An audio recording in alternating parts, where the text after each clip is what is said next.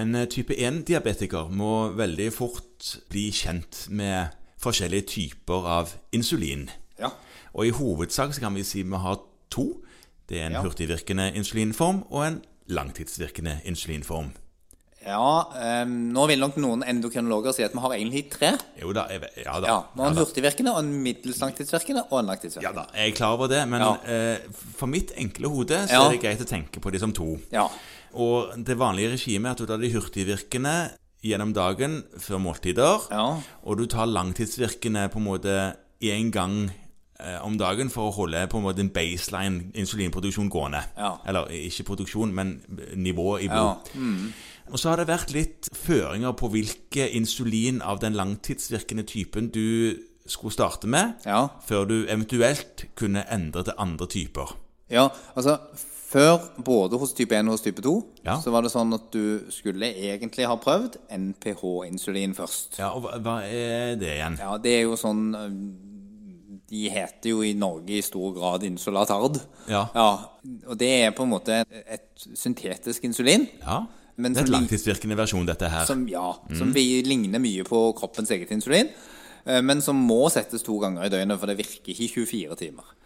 Og så er de kommet disse nye analogene som virker i over 24 timer, Ja, og de, det er jo og de kan man sette én gang om dagen. Ja, og, og noen av de virker jo mye lenger enn 24 Ja, timer. ja, ja, ja, ja. Flere døgn. Ja. Og det er jo vel vist seg å være positivt med tanke på blodsukkerkontroll. Det, det er mye lettere å kalkulere, fordi at all, allmedisiner har jo en sånn kurve. Altså Ja. De tas opp, og så har de en, en steady state, og så faller de igjen.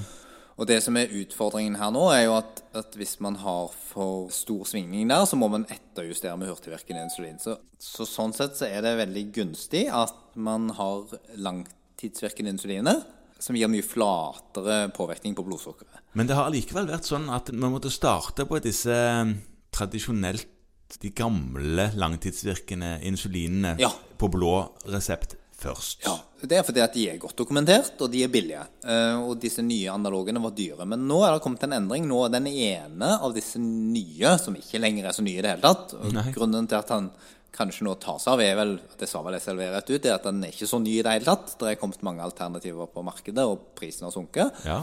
Og den er den som heter insulinglargin, den er nå på automatisk blå resept. Både for, eh, for diabetes type 1 og diabetes type 2. Ja, for en del type 2-ere vil jo etter hvert gå over på et insulinregime, Ja. de òg. Og da er det, altså, da er det de som heter Abasaglar, Lantus og Semgli, som er tre forskjellige leverandører av det samme insulinet. Det er da viktig å si at dette er den utgangsdoseringen. Der er kommet en ny, litt mer avansert formulering av det samme insulinet, og den er ikke på automatisk ref Ok, ja. for diabetes.